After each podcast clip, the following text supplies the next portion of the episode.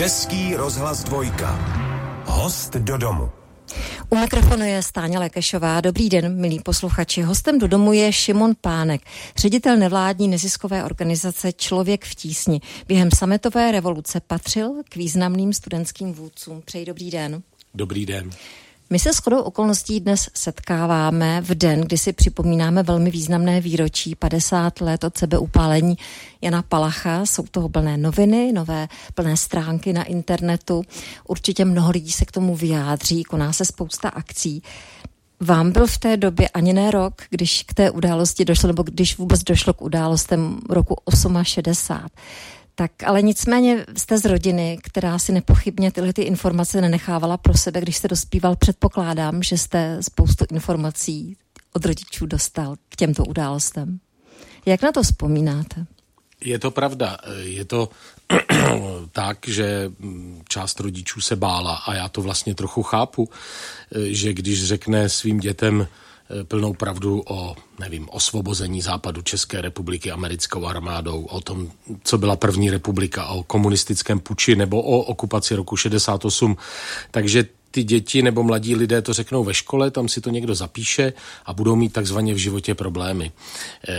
Koncem těch 80. let, kdy já už jsem pak byl eh, na střední škole, tak už to dávno tak nebylo, ale vlastně zpětně to vnímám jako jednu z věcí, kterou komunismus neuvěřitelně pokřivil, to znamená taková ta kultura lží nebo polopravd. Rodiče se báli říkat dětem celou pravdu, učitelé se báli dětem říkat věci, protože nevěděli, které dítě to řekne doma a co se stane. A podobně to bylo s 68. Já měl to štěstí, že moji rodiče v tom měli jasno a pamatuji si na eh, ten úžas, myslím, že mi mohlo být tak třeba 10, 11, 12, a shodou okolností to bylo na štědrý den, nevím, proč k tomu došlo, kdy padlo něco o roce 68 a můj eh, otčím nebo partner mé maminky tehdy vyndal hromadu novin a te, otevřeli je a já jsem tam viděl ty tanky, eh, ty demonstrující mladé lidi, rozstřílené domy eh, a vůbec jsem nechápal, co to je. To mohlo být v roce 79, 80 a tehdy mi vysvětlil, co, co to byl rok 68 a podobně to bylo i s dalšími událostmi v historii. Měl jsem prostě to štěstí, že rodiče měli tu kuráž a mysleli si, že pravda je důležitější než opatrnost. A to mi určitě v životě pomohlo a nějak mě to formulovalo. Mhm. My se shodou okolností setkáváme vlastně i v roce, kdy si připomínáme 30 let od sametové revoluce a tam už jste byl hodně vidět, tam už jste byl hodně aktivní. A nejspíš to možná ovlivnilo i váš budoucí život, taky o tom promluvíme. Šimon Pánek, ředitel nevládní neziskové organizace Člověk v tísni je hostem do domu. My se teď dostáváme k sametové revoluci, ale spíš bych možná řekla, že vy jste byl takým tím aktivním člověkem už před tou sametovou revolucí, pokud jde o různé humanitární akce, protože už v roce 88 jste organizoval humanitární sbírku pro Armenii, kterou tedy zasáhlo hodně ničivé zemětřesení. A vy jste tehdy vlastně byl možná tím prvním člověkem, nebo nejenom vy, ale i vaši kolegové, s kterými jste spolupracoval, kteří najednou vlastně na vlastní pěst spustili sbírkovou akci, která byla mimo stát. Tu stát neřídil, neorganizoval. Vy jste šli na ambasádu ruskou, vy jste šli do československé televize. Tak, tak, tak začala ta vaše práce vlastně, která pak vyústila i v to, že vzniknula organizace Člověk v tísni. To já nevím, to se asi nedá takhle mm, přesně říci, rozhodně to nebyl žádný plán. S odstupem času to tak trochu vypadá, eh, že eh, si to člověk zkusil. A já si pamatuju ten úžasný pocit, kdy eh, zdánlivě nemožná věc, to znamená v době komunismu, kdy co nebylo povoleno, bylo zakázáno začít víceméně na vlastní pěst jako skupina dobrovolníků nebo aktivistů, nebo jak to nazvat, pomáhat velmi vzdálené zemi, a ono to šlo, ono to prostě šlo. Šlo to také proto, že komunistická, eh, komunistické e, sovětský svaz, nebo to, to vedení sovětského svazu Gorbačovovo tehdy bylo vlastně daleko otevřenější, necenzurovalo to informace. Poprvé si sovětský svaz řekl o pomoc a nikoli jenom svým bratrským zemím, ale z celého světa.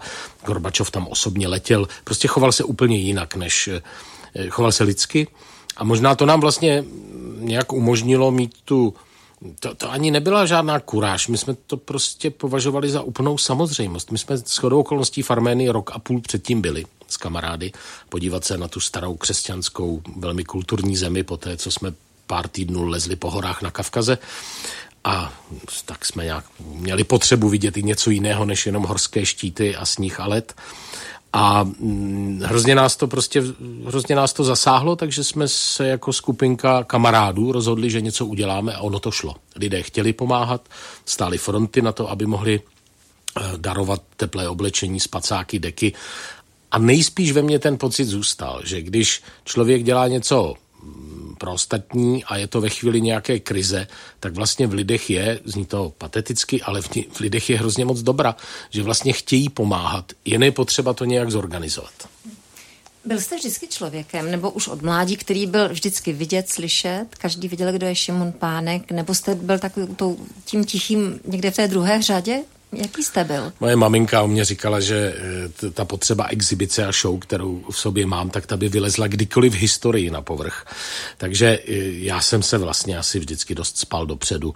Myslím to v tom dobrém, ale i v tom špatném a teprve jakási domácí práce, kdy člověk pochopí, že v sobě má leadership, schopnost lidi natchnout, má trošku odvahu jít do rizikových věcí, eh, má nějakou sílu v sobě, má pevné nervy, ale to nestačí. Pokud chce dlouhodobě něco dělat a vést, tak taky musí pracovat na tom, aby dával prostor těm ostatním, aby uměl sám sebe upozadit, aby ty ostatní eh, víc a víc podporoval spíš než jenom vedl. Takže tohle je pak proces mého jakéhosi manažerského nebo jak by se to dalo říct, zrání během těch posledních 25 let v člověku v tísni. Ale jinak tu potřebu jakoby strkat nos do věcí veřejných, tu jsem v sobě měl vždycky. A měl jste ji i právě po 17. listopadu 89. Stal jste se opravdu z výrazn, jednou z výrazných osobností. Byl jste studentským vůdcem spolu s panem Bubeníkem, pokud si vzpomínám. Tak, tak to byla vás, celá skupinka vás dva, lidí. Nebo paní Pajerová, vás dva si tak nebo tři si pamatuju já z té doby. Nicméně, jak jste se dostal k tomu, že jste byl právě tím hlavním, za, který hovořil za studenty, který se dostal k Václavu Havlovi? Tak eh, před tím 17. už byly nějaké přípravy a těch zdrojů studentské aktivity byla celá řada. Studenti byli velmi aktivní na uměleckých fakultách v České republice, v Praze. Eh, a také vznikla taková hm, síť, jmenovala se Stuha, čili Stuška, to měla být ta trikolora, ale studentské hnutí Stuha, což byla skupina asi 40-50 studentů, eh, kteří se nějak postupně našli. V zásadě to centrum bylo kolem lidí spojených nějak s, se spisovateli a disidenty. Byl tam třeba Martin Klíma, synovec eh, spisovatele Klímy, Martin Benda, Jiří Dinsbír, ale i celá řada dalších lidí, mm, jejichž jména nebyla tehdy nikomu známá, a také já. Eh, a my jsme se snažili vytvořit síť, která bude mobilizovat studenty na pražských vysokých školách, protože jsme chodili na demonstrace už od léta 88 a těch studentů tam bylo žalostně málo. Tak jsme si říkali, proč a pojďme. A vlastně vytvořili jsme jakousi síť, která se snažila já za sebe, ještě třeba s dalším jedním, dvěma lidmi na přírodovědě, někdo na, na technice, někdo jinde, povzbuzovat studenty, šířit i na těch fakultách, protože informace o demonstracích se tehdy šířily jaksi s, jenom ústně, ani ne telefonem z bezpečnostních důvodů a shodou okolností první větší akce, kterou tahle ta stuha organizovala, byl právě 17. listopad, který dopadl tak, jak dopadl, protože eh, tehdejší policie neuměla vlastně nic jiného, než buď to nechat být, nebo ty demonstranty zmlátit a v případě eh, studentů a mladých lidí se přepočítala. Místo strachu se dostavil hněv rodičů a dalších, vy nám mlátíte děti, to prostě už není žádná uh, už, už prostě nedokázali prodat ten příběh, že to je nějaká skupinka zvláštních existencí, která v Praze rozvrací uh, klid na práci a šťastný život socialistického člověka. Něco prostě nehrálo zmlátit studentskou demonstraci, která nesla uh, transparenty, chceme dialog a uh, chceme víc otevřenosti a tak dále. Nic násilného.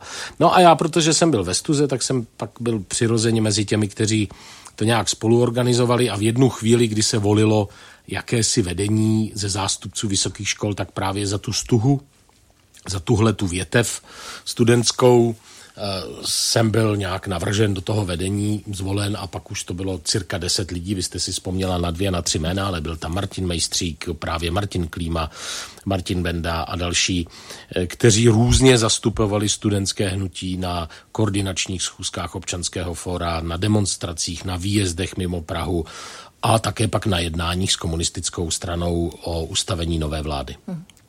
Musel jste mít zvláštní pocit, když jste seděl třeba u stolu nebo stál třeba kolem lidí, kteří rozhodovali o budoucnosti naší země. A to si člověk možná ani nepřipouští v té chvíli vlastně u jakých setkání je, že jsou to historické události, že jsou to mimořádné okolnosti, které se zapíší do dějin. Tak asi já jsem si uvědomoval především obrovskou radost, že komunismus končí. My jsme to neuměli dostatečně nějak si jako zanalizovat, že končí tak jako tak po um, změnách v Sovětském svazu a vlastně myslím, že je třeba znovu zopakovat, že tím, kdo začal demontáž komunismu, tak byl Michal Gorbačov uh, z různých důvodů, také z ekonomických a dalších, ale protože pochopil, že takhle to dál nejde, prostě držet část světa za železnou oponou a myslet si, že se do nekonečna udrží, že přichází uh, jiná doba, doba informací, technologií a myslím, že mu máme být za to dost vděční. Eh, velkou roli samozřejmě hrály Spojené státy, eh, řada zemí v západní Evropě a také ta dlouhodobá podpora hrstky odvážných lidí, ať už to byli lidé kolem vedení Solidárnosti v Polsku nebo Charty 77 tady u nás, kteří drželi celou dobu tu naději a vlastně byli tím, kdo tomu režimu říkal, takhle to nejde, takhle to nejde, takhle to prostě nepůjde a, a byli pak vlastně tím zdrojem mobilizace ve chvíli, kdy komunismus se začínal rozpadat. My jsme si v Československu mysleli, že to klidně může ještě nějakou dobu trvat, takže to, co si pamatuju, je velká radost, že to končí.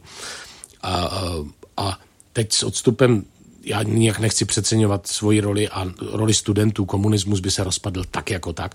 Myslím, že jsme měli to štěstí v Československu, že to bylo formou té takzvané e, sametové revoluce, to znamená, že jsme se přece trošku přičinili. Host do domu. Dnes se Stáňou Lekešovou. A dnes taky se Šimonem Pánkem, ředitel organizace Člověk v tísni. Já ještě přece jenom dám otázku k té době, která byla v roce 89-90. Měl jste možnost vstoupit do politiky, nabídky jste nepochybně měl. Mohl jste být poslancem. Proč jste do politiky nevstoupil? Tehdy nebo teď? Nebo před deseti lety? Já nevím, mně to tehdy připadalo, že když je někomu 20 nebo 22, takže se nemá stát kariérním politikem. To z té stránky nějaké sebereflexe. A pak v tom určitě bylo kus nějakého jakoby sobectví, Eh, chuti si užít té svobody, chuti cestovat po světě. Já jsem vždycky chtěl cestovat, eh, takže jsem si říkal, jsem student, eh, teď se ten svět otvírá, teď je čas ho trochu poznat a jak jsem se zrovna zamiloval, mám pocit za revoluce, tak jsem měl prostě v hlavě jiné věci, než se stát kariérním politikem. A stihnul jste si to vůbec užít v to období po revoluční, kdy jste mohl bez problémů cestovat, mohl jste si psát a říkat, co chcete, nebo vás vlastně pohltila ta další aktivita vaše životní, organizace Člověk v tísni? Určitě, eh, tak to, že jsem začal dělat opět ve skupince eh, lidí, první rok a půl, dva jako dobrovolníci zase nějakou pomoc tehdy na Balkán převážně, tak vlastně je výsledek toho, že ta svoboda to umožňovala. Eh, je pravda, že jsem nestihl to se sebrat a jet na ten půl rok, rok po světě, ať už cestovat nebo studovat. Eh, na začátku 90. let těch možností bylo ještě málo a, a teď je má prakticky každý mladý člověk, eh, ale který studuje ale eh, to je tak jako jediné, že nějakou tu, ten velký kus života někde studijně nebo pracovně jsem si neužil, ale jinak to, že dělám člověka v tísni, tak mě vlastně obrovsky obohacuje těch 25 let a užívám si tu svobodu. Náhorní Karabach, Čečensko, Bosna, Kosovo, mm, byla to ta první místa, kam třeba mířil člověk v tísni, nebo to ještě tak úplně ta organizace nebyla tak kompaktní, tak, tak eh, života schopná a neměla tolik peněz, jak to bylo tehdy v těch počátcích? To byly ty první konflikty. Eh, opět já mm, se nechci neustále k tomu komunismu vracet, jako kdyby mohl úplně za všechno, to jistě nemůže, ale může za leco, s, s čím se nedokážeme vypořádat my, nebo ten postkomunistický svět. A tehdy po konci komunismu spousta Eh, různých národnostních, etnických nebo politických pnutí, které jsou jinak i jinde. Když se podíváme na Skotsko, Anglie, Katalánsko, Španělsko, situaci v Belgii, tak jsou tam velká pnutí, ale mluví se o nich. A za komunismu se nesmělo o těchto těch věcech mluvit.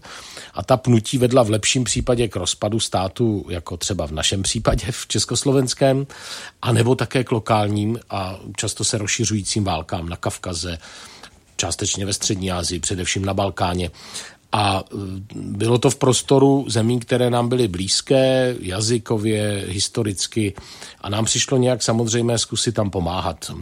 A života schopná organizace, no na začátku to prostě byla parta dobrovolníků, nicméně i ta parta dobrovolníků dokázala do obklíčeného Sarajeva dopravit humanitární pomoc přes e, vlastně vojenské linie, dokázala tím nadšením překonat eh, lec, která protivenství a přesvědčit českou veřejnost, že to není jakási oficiální solidarita, že to není něco, kde se ty peníze ztratí, že tam je osobní ručení těch lidí za to, že to doručí a dovezou na místo, mm, například mě nebo Jaromíra Štětiny a některých dalších, přesvědčit českou veřejnost natolik, že vlastně lidé začali chodit a poměrně ve velkém přispívat. Naše sbírka SOS Sarajevo na podzim roku 1993 eh, tak během tří týdnů přinesla 30 milionů korun. To byly tehdy obrovské finance, dnes by to bylo, nevím, 150 milionů, nebo já nejsem ekonom, ale už jenom to, že lidé opět jako kdysi v případě Arménie, chtěli pomáhat, jenom nevěděli jak. Každý druhý den viděli ty zprávy z bývalé Jugoslávie, viděli hořící města, slyšeli o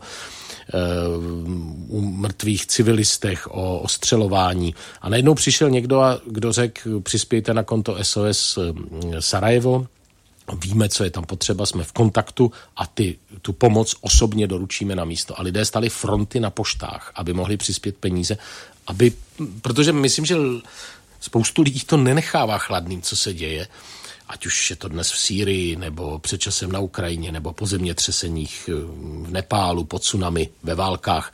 Jen samozřejmě nemohou pomáhat napřímo a potřebují najít někoho, kdo to dokáže a komu oni uvěří a pak jsou ochotní pomáhat. Rozhodně česká, československá a dnes česká veřejnost je velmi solidární ve chvílích krizí. Šimon Pánek je dnes hostem do domu. Člověk v tísni má na mapě světa už teda mnoho míst, kde pomáhá. Těch červených teček je tam hodně. Ta pomoc je dlouhodobá, ale taky krátkodobá. To znamená, nastane nějaká živelní katastrofa, nějaká mimořádná událost. Co se v tomto okamžiku stane?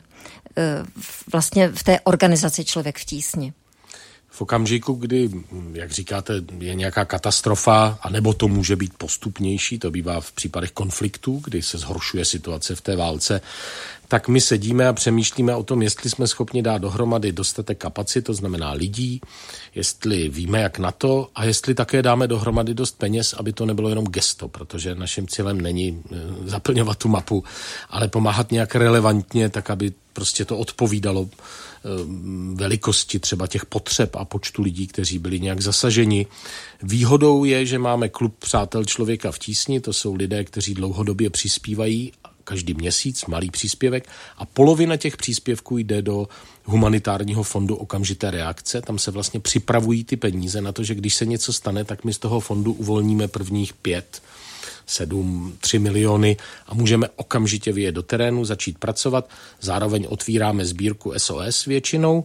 Na místě eh, to je vždycky období extrémně náročné, ale taky strhující, protože musíte se zorientovat v situaci, musíte začít co nejrychleji pomáhat, ti lidé to potřebují, musíte se zároveň koordinovat s ostatními organizacemi, navázat nějaký kontakt s úřady a vytvořit si nějaké zázemí, protože nelze tam přiletět spát e, prostě pod stromem a k tomu řídit pomoc pro tisíce lidí. Takže všechny ty věci ten tým musí dát dohromady během vlastně několika dní a začít operovat na místě a ještě komunikovat domů o tom, co se děje a na co jsou potřeba samozřejmě finance tím a, a vlastně jakoby posílit tu sbírku, kterou tady otvíráme SOS tou znalostí a konkrétními příklady z místa. Musíte mít nějakou akreditaci nebo povolení od místních orgánů? Ve většině zemí, když se stane takovýto průšvih, tak ty vlády na začátku rezignují na jakékoliv povolení, pokud nejsou vysloveně namířeny nebo pokud nejsou extrémně uzavřené a nechtějí tam cizince. To bylo třeba v případě Barmy po cyklónu. Eh, můžete, na Ukrajině? Na Ukrajině to bylo na té druhé straně, to znamená na straně těch separatistů, ano. kteří vlastně nechtěli cizince, zároveň viděli a vidí, jak je potřeba ta pomoc, takže eh, a to se někdy stává, jinak většinou na začátku ty vlády prostě otevřou ty hranice humanitárním pracovníkům a teprve v periodě tak kolem poloviny roku, tak je potřeba začít, eh, začít prostě žádat o oficiální registraci, normálně podat papíry, přihlásit se eh, úřadům se vším všudy. Bývá to různé, ale většinou ta míra humanitární katastrofy vlastně eh, sebou nese ten, my tomu říkáme humanitární imperativ, který je silnější než nějaké předpisy a další věci. A ani ta vláda si netroufne říct, ne, my tady nechceme humanitární pracovníky a humanitární pomoc ze zahraničí, protože se jí to samozřejmě vrátí od vlastních obyvatel, kdyby něco takového udělala. Potom je pomoc, která je dlouhodobá. Dlouho působíte v různých místech, snažíte se pomáhat místním obyvatelstvu zvládat určité věci, které nefungují díky tomu, že ta vláda prostě eh, zrovna neplní to, co by plnit měla. Je to třeba nejčastější důvod vašeho setrvání v těch místech? Buď tam zůstáváme po těch katastrofách, tak abychom neodešli jenom, když je pokryta okamžitá potřeba. To nestačí. Ono je potřeba eh, taky, aby se obnovil chod eh, škol, nemocnic, aby začaly fungovat cesty aby začala dlouhodobě téct voda. Prostě nejde jenom o to jídlo, vodu, stan a deku. Jde o to pomoct těm místům, aby mohla dál fungovat. Proto často po těch krizích zůstáváme několik let. Ono to docela trvá. I tady třeba na Moravě po povodních to trvalo ještě tři roky, než se dali ty věci do pořádku. To jsme uprostřed Evropy, kde ty možnosti jsou daleko větší. A e, takže tam zůstáváme buď z těchto důvodů, anebo jsou to země, které neprošly žádnou katastrofou aktuální, ale jsou dlouhodobě chudé, málo rozvinuté a tam se snažíme působit v synergii s českou vládou. Česká vláda má svoji strategii rozvojové spolupráce, kde je několik zemí, ne moc, tak je nejsme velká země jako, jako donor nebo dárce, ale je tam třeba Etiopie, nově tam je Zambie, je tam Moldavsko e, a v těch zemích Vláda chce pomáhat tamním obyvatelům, ale i zemím a my jako nevládní organizace, ale třeba české firmy nebo univerzity jsou další, kteří se na tom podílí. A tam je to skutečně dlouhodobá spolupráce, již cílem je, aby ti lidé byli lépe schopni vést svoji ekonomiku, měli lepší výnosy v zemědělství, líp jim fungovaly školy, aby se vlastně dokázali rozvíjet sami. Host do domu. Dnes se Stáňou Lekešovou. A taky se Šimonem Pánkem z Člověka v tísni. V tísni je mnoho lidí i v České republice. Vy se jim taky věnujete, hodně se jim věnujete. Už vlastně v roce 1999 eh, jste prováděli terénní sociální práce. Tak jak vypadá ta pomoc konkrétně? V jakých oblastech je nej, vlastně i nejdůležitější pro vás? Máte pravdu, my v Česku vlastně pracujeme hodně dlouho. No to není tak vidět jako ty války nebo zemětřesení ale možná nejvýraznější práce je, když je nějaký průšvih doma okamžitý a to jsou povodně. My jsme vlastně měli velkou eh, první operaci pomoci na Moravě a ve Slesku v roce 97, pak samozřejmě za velkých povodní v roce 2002 a třikrát následně za těch dalších eh, menších povodňových hm, průšvihů. Eh, možná je zajímavé říct, že jsme postupně vybrali skoro půl miliardu korun od lidí v Česku, kterou jsme zase rozdělili těm vyplaveným rodinám a domácnostem, aby to zvládli. Ale dlouhodobě pracujeme v sociálně vyloučených lokalitách s lidmi, kteří mají, eh, prostě kteří jednak mm, mají nějaké zvláštní potřeby, eh, jednak třeba nemohou sehnat práci, s dětmi z těch rodin, kde nejsou moc příklady, ti rodiče se neumí nebo nechtějí, nebo jsou tak rezignovaní, že se prostě těm dětem nevěnují a mm, tím se uzavírá jakýsi začarovaný kruh, že ty děti špatně prospívají ve škole nebo skončí rovnou, protože třeba vypadají jinak. Jsou to děti cizinců, Romů, děti z rozpadlých e, manželství, děti z rodin, kde je nějaká patologie, drogy, gambling eh, nebo někdo z rodičů je ve vězení. E, a je to strašná škoda, protože ty děti mají stejně základní nadání jako všechny ostatní děti. Mají prostě jenom tu smůlu, že se narodili někdy na špatném místě, ve špatné rodině a mě to strašlivě irituje, že my jako společnost jim neumíme dát stejnou šanci, proto s těmi dětmi dlouhodobě pracujeme. Jsme v devíti, máme devět poboček po České republice, kromě Prahy a Olomouce je to vlastně eh, šest mm, poboček na severu v Sudetech, eh, to znamená v oblastech s největším největšími pracovními, demografickými a dalšími problémy. Většina těch klientů na začátku, absolutní většina byly Romové. Eh, dnes je spousta našich klientů nebo těch, kterým pomáháme z řad většiny. Třeba v Praze je to převažující část a je to jednak ta terénní sociální práce, to znamená, aby ti lidé dokázali lépe zvládat plnit své povinnosti vůči společnosti, ale aby také společnost jim nabídla to, co nabízí a to, na co si umí dobře dosáhnout třeba vysokoškolsky vzdělaný člověk z města, to znamená na různé výhody, podpory, překlenování, eh, ale není to rozdávání ničeho, je to vedení těch lidí k tomu, aby prostě dokázali žít život jako, eh, jako běžný občan České republiky. U dětí a mladých lidí je to velké velká investice do, do učování, vzdělávání, podpory ve škole. E, na úrovni středního školství máme mm, institut jakýchsi retrostipendií, tisíc korun měsíčně, které pomáhají těm dětem zvládnout tu střední školu. A Ehm, velmi spolupracujeme s radnicemi, většinou je to financováno prostřednictvím krajů, které vědí, že takovou pomoc potřebují. A novinkou v tom tématu jsou dluhy a předlužení. Poslední roky pracujeme intenzivně v dluhové problematice a z těch našich skoro 300 lidí, kteří dělají sociální práci, tak skoro 150 dělá dluhové poradenství a pomáhá lidem v zemi, která má nejvyšší počet exekucí na hlavu v Evropě. Z těch dluhových pastí, z těch exekucí, které na ně dopadly díky uh, úmyslně vlastně nečestně sepsaným smlouvám různých půjčkařských společností a podobně. A je to vlastně velký celospolečenský problém, proto uh, na tom pracujeme jak v terénu, tak i systémově. My se snažíme léta uh, aby stát lépe reguloval půjčování peněz, eh, exekuční řízení, ale také věci spojené například s odlužením těch, kteří ty dluhy nedokáží splatit a je neracionální pro ně, pro stát, pro ekonomiku, aby tady byli celý život vlastně v úzkosti nesplatitelných dluhů. Mají lidé v dnešní době dostatek informací o tom, jak funguje nezisková organizace? Na to se teď ptám Šiona Pánka, protože vy ty zkušenosti samozřejmě máte. Jak funguje, jak je financována, jakou roli vlastně v té naší společnosti má? Protože mám dojem, že neziskové organizace se často bojí většinou se slovem uprchlík, v dnešní době, v poslední době, ale přitom dělají spoustu činností, mají velký záběr nejenom člověk v tísni, ale různé organizace, které poskytují třeba sociální služby. Rozhodně je to tak, že ten, kdo chce mít dost informací, tak je může najít, protože dobře fungující neziskové nevládní organizace intenzivně pracují na tom informovat o tom, z jakých zdrojů mají peníze, jak je používají, eh, jak to řídí, ukazovat hm, nálezy auditů, kontrol, zveřejňovat třeba platy a podobně. U nás to můžete najít už 15 let každý rok na webových stránkách, respektive i zpětně, to je tam dohledatelné. A pro nás je to důležité, nic neskrývat, naopak vysvětlovat. Mm, být transparentní. Být zcela transparentní, daleko nad rámec zákona o účetnictví, eh, to, co zveřejňujeme. Ale jinak neziskové organizace, nestátní neziskové organizace fungují prakticky ve všech eh, státech v Evropě velmi intenzivně. Musíme si je představit jako službu, kterou si stát objednává.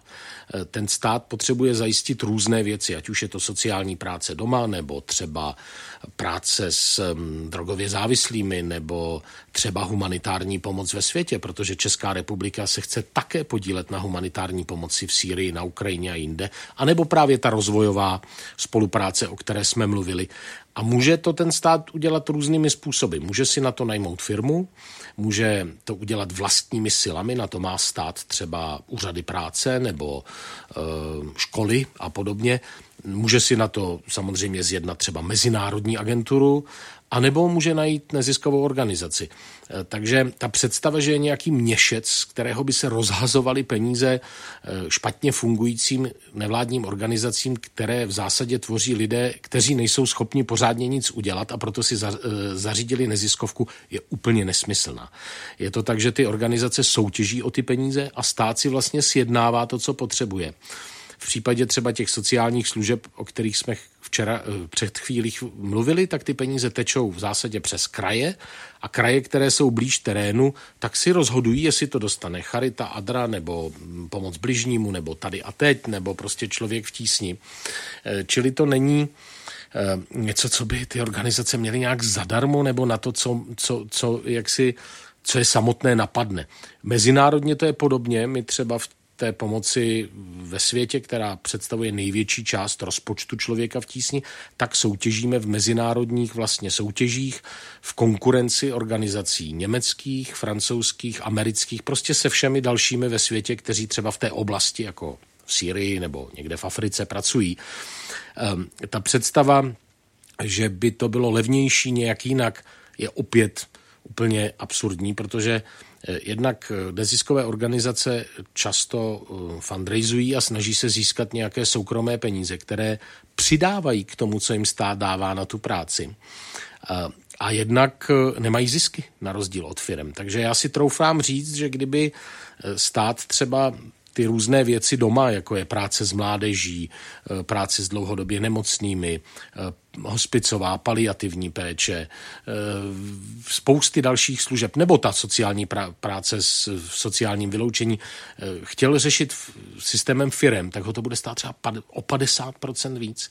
A možná ještě o jedné věci bych se chtěl zmínit, ta představa, jak, jsou, jak málo jsou pod kontrolou nevládní organizace. Když firma soutěží o třeba státní zakázku, stavbu, tunel eh, nebo IT systém, tak nabídne nějaké plnění a chce za to smluvní cenu. Dostane tu cenu a v té je započítán zisk a pak teda má naplnit ten, postavit ten tunel včas a kvalitně. Pokud ho ne, ne, nepostaví, tak tam je nějaké dohadování, ale nikdo nekontroluje účetnictví té firmy, kdežto my fungujeme v režimu dotací nebo grantů a součástí naší dohody s tím zadavatelem, což je třeba ministerstvo, ale i mezinárodní organizace vlády, je, že kromě toho, že musíme udělat tu práci, tak taky dáváme kompletně k dispozici veškerou dokumentaci, včetně svého účetnictví, kontrolám a auditům. Takže jsme vlastně z podstaty pod větší kontrolou než soukromé firmy. Máme ještě čas na to, abychom řekli, v jaké bezpečnosti nebo nebezpečí se ocitají právě ti, kteří odjíždějí právě do těch míst, kde se dějí určité události, ať už jsou to živelní katastrofy nebo válečné konflikty. Máte na to opravdu jenom půl minut, já bych je chtěla zmínit, protože jsou stateční a ta dnešní doba je mnohem obtížnější než třeba v dřívějších dobách. Je to tak, nebezpečí pro humanitární pracovníky, zejména v konfliktech, strašně vzrostlo. E, ta jakási ochrana, že se, že, jsou, že se na ně nešahá, protože pomáhají, tak protože je mnoho podivných bojujících stran, buď jsou to teroristická, separatistická uskupení. A my jsme třeba v Sýrii, na Ukrajině, v Iráku, v Kongu, v Afganistánu. Tak si představte, eh, kolik vlastně rizika eh, ta organizace a ti lidé nesou pro to, aby tam mohli jménem České republiky pomáhat. Já děkuji za dnešní setkání v pořadu Host do domu. Ať se vám daří. Děkuji vám ať se daří těm všem, kteří výjíždějí právě do těch nebezpečných míst a pomáhají nejenom v zahraničí, ale i v České republice. Šimon Pánek byl hostem do domu zítra. Moderní tulák Ladislav Zibura s Martinou Kociánovou. Stáně Lekešová se loučí. Mějte se krásně a naslyšenou. Naschledanou.